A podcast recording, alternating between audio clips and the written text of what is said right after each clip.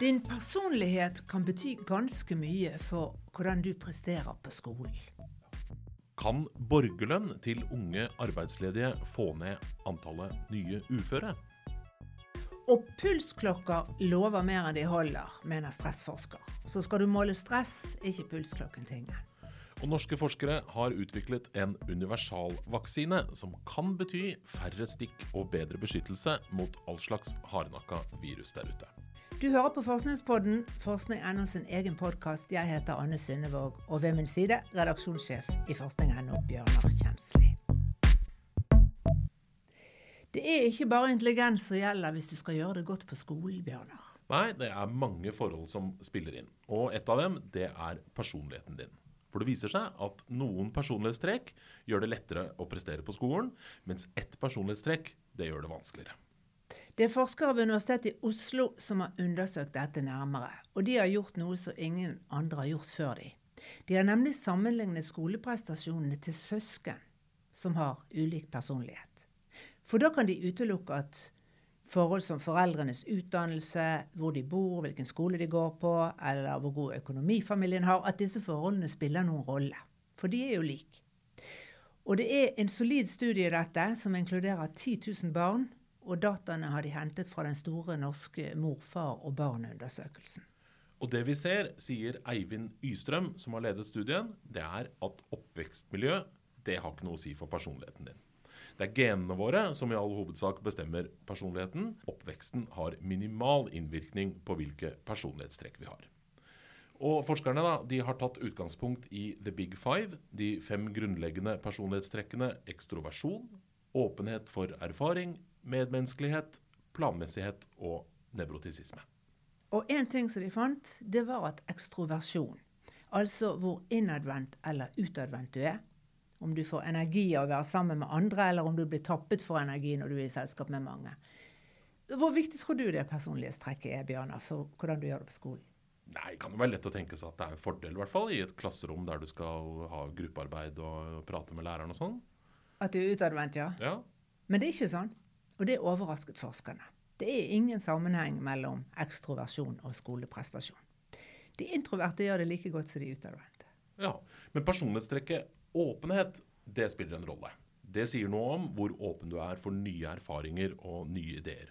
Og det å være nysgjerrig og interessert i ny kunnskap har en klar sammenheng med å gjøre det bra på skolen, sier Ystrøm da til forskning.no. Og det er jo ikke akkurat overraskende. Og det er det heller ikke at personlighetstrekket planmessighet spiller en rolle for skoleprestasjoner. For det måler hvor ryddig, ordentlig, samvittighetsfull og organisert du er, og om du er til å stole på. Og det er vel ikke så overraskende at det å score høyt på planmessighet gir deg noen fordeler på skolebenken.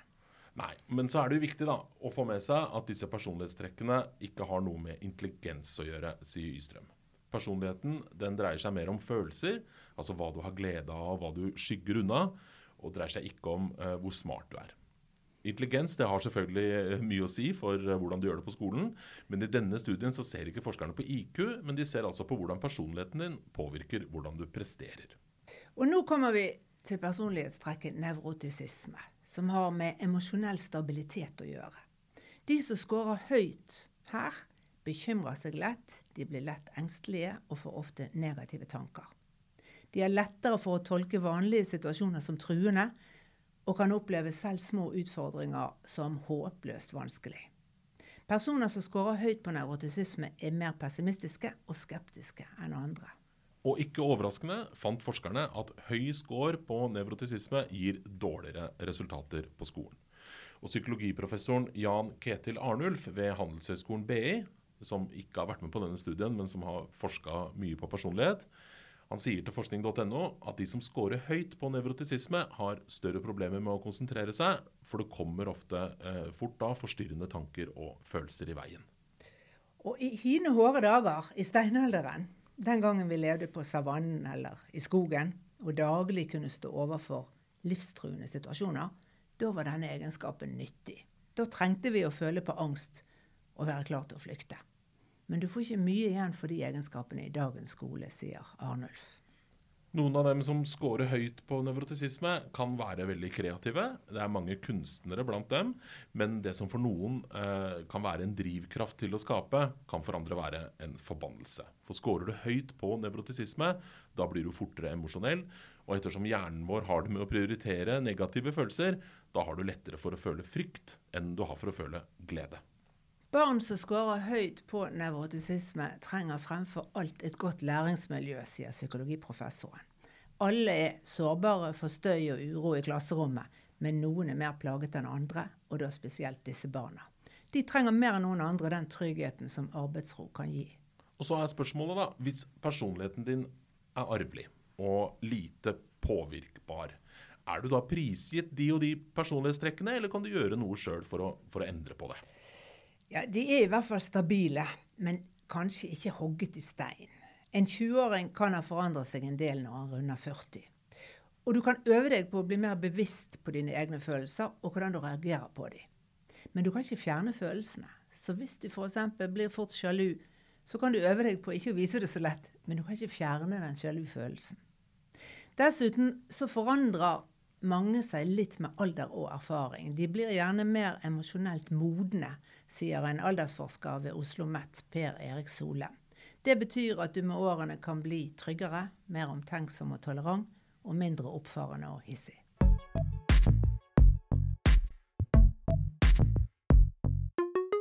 Ferske tall viser at det er dobbelt så mange unge voksne som blir erklært uføre og får innvilga uføretrygd i dag, enn det var for bare 15 år siden. Dobbelt så mange altså på 15 år. Men hvordan kan dagens ungdom være så mye sykere enn de som var unge for bare 15 år siden? Hva er det egentlig som skjer? Det er et godt spørsmål. Professor Ann Helen Bay ved Oslo OsloMet sier til forskning.no at dette har vært utredet gang på gang, og forskerne konkluderer med at fordi du må ha en diagnose for å få trygd, sånn som systemet er i dag, så er det lett for at du sluses inn i et langt løp med mål om å få nettopp en diagnose, som da igjen gir rett til trygd. Og underveis i dette løpet må du søke og få avslag, oppleve mye frustrasjon mens du orienterer deg i et lappeteppe av ulike ytelser for å finne ut akkurat hvilken ordning du kan passe inn i. Det er jo nesten en jobb i seg sjøl, da. Ja, skikkelig. Eh, og kort sagt, hvis du er ung og sliter av ulike grunner, så må systemet finne en sykdom for deg, sånn at du skal få trygd. Men når, problemet ditt nå da blir sykeliggjort, så forsterker det seg gjerne også, og du havner som uførepensjonist før du har fylt 30, sier Ann Helen Bay. Og dette er bakteppet for et eksperiment. Der 2000 unge voksne i Trondheim som ikke er i arbeid og ikke går på skole, skal få en type borgerlønn. Hensikten er å bryte denne koblingen mellom diagnose og økonomisk støtte fra det offentlige. I stedet så skal du få en månedslønn på i underkant av 20 000 kroner brutto, og alt du trenger å gjøre for å få borgerlønn, er å vise til at du står utenfor arbeid og utdanning. Vil si ikke helt. For du skal fortsatt være i kontakt med Nav, og du vil fortsatt bli møtt med krav om plan og tiltak for å komme i arbeid og utdanning. Men likevel. Nav Trondheim forhandler nå med departementet om detaljene i dette, og forskere skal også følge eksperimentet. Målet det er selvfølgelig å få flere unge ut i jobb, og å få ned andelen som ender på uføretrygd. Men spørsmålet som jo liksom roper på et svar her, det er jo om gidder folk å jobbe hvis de får penger for å ikke jobbe? Det har vært eksperimentert og forsket litt på dette i andre land, bl.a. i Finland og Nederland. Og resultatene er ikke overbevisende når det gjelder å få de unge ut i arbeid. Men noen funn peker likevel på at de unge jobber litt mer når de har en gratisinntekt i bånn. Men den store forskjellen mellom den gruppa som får en type borgerlønn, og da kontrollgruppa som må forholde seg til det vanlige systemet, det er helse og trivsel. De som fikk en sånn basisinntekt, eh, altså en slags borgerlønn, de hadde færre helseproblemer, større tro på framtida og også større tro på sin egen evne til å påvirke framtida. Borgerlønnen økte ungdommenes trivsel og reduserte angst og depresjon. Og det må vel være viktig hvis målet er å komme i arbeid eller utdanning. Så det blir spennende å se da, hva som skjer hvis forslaget om borgerlønn til unge trøndere blir prøvd ut.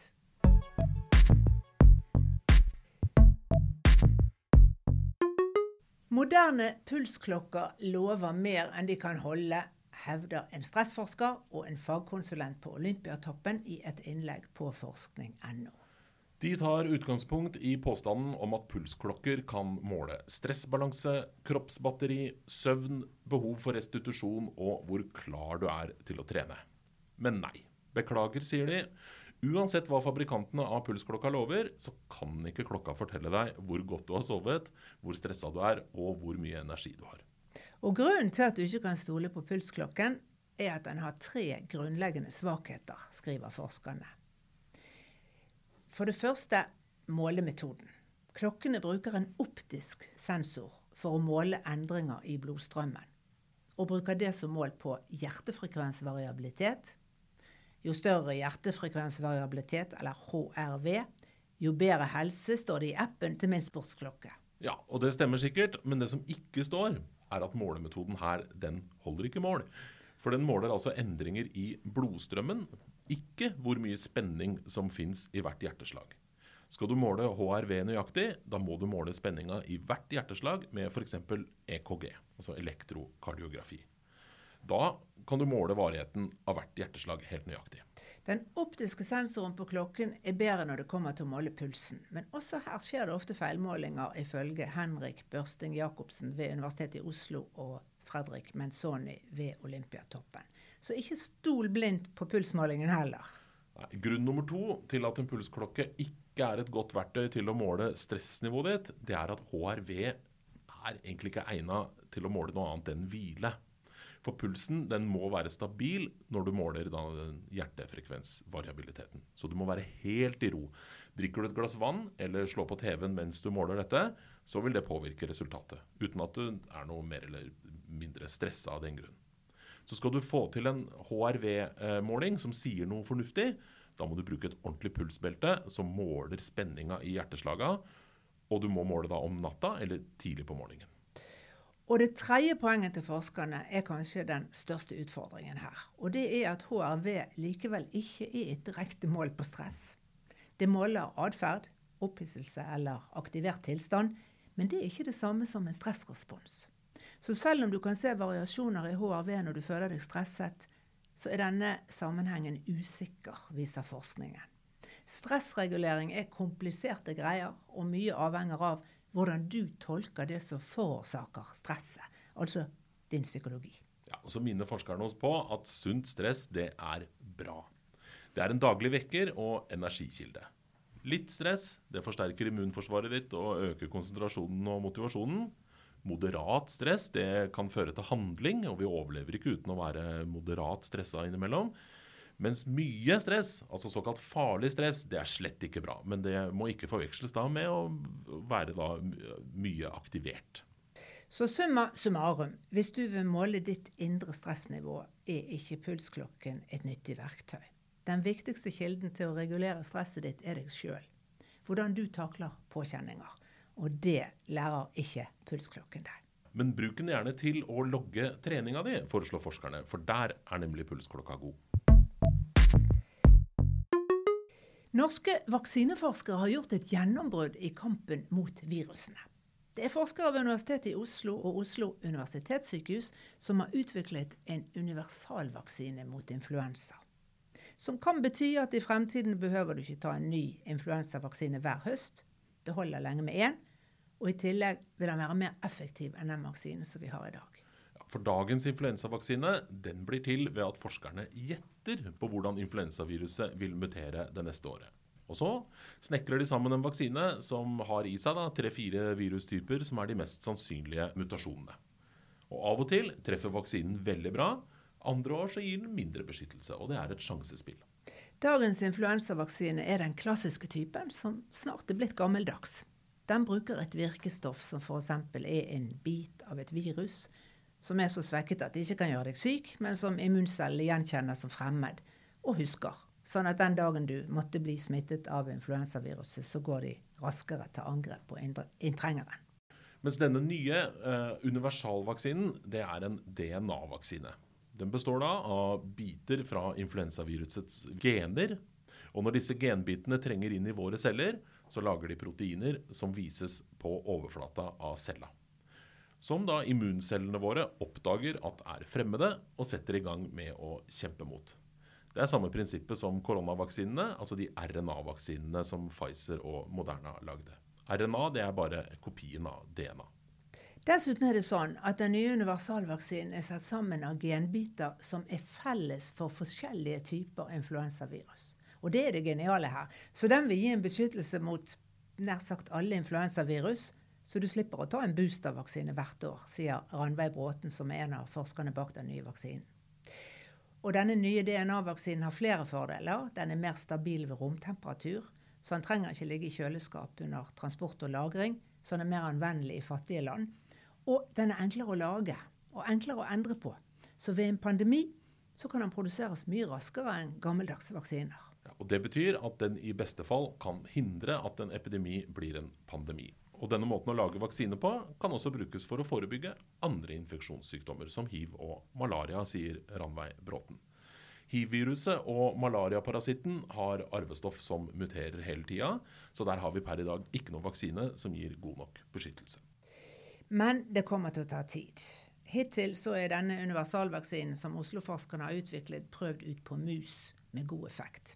Så nå skal han gjennom et vanlig løp med klinisk utprøving på pasienter der man sjekker han for bivirkninger. Og så skal han godkjennes etter hvert, forhåpentlig. Og det tar noen år. Ja, For det haster ikke så mye nå som det gjorde under pandemien. Vi har jo den gamle influensavaksina eh, som får gjøre jobben så lenge. Det var helt annerledes da covid-19 spredde seg i rekordfart rundt hele verden, og vi sto overfor en dødelig sykdom uten å ha noen vaksine i det hele tatt. Og Da hoppa vaksineprodusentene da, bukk over vanlige prosedyrer og utvikla de nye vaksinene på rekordtid.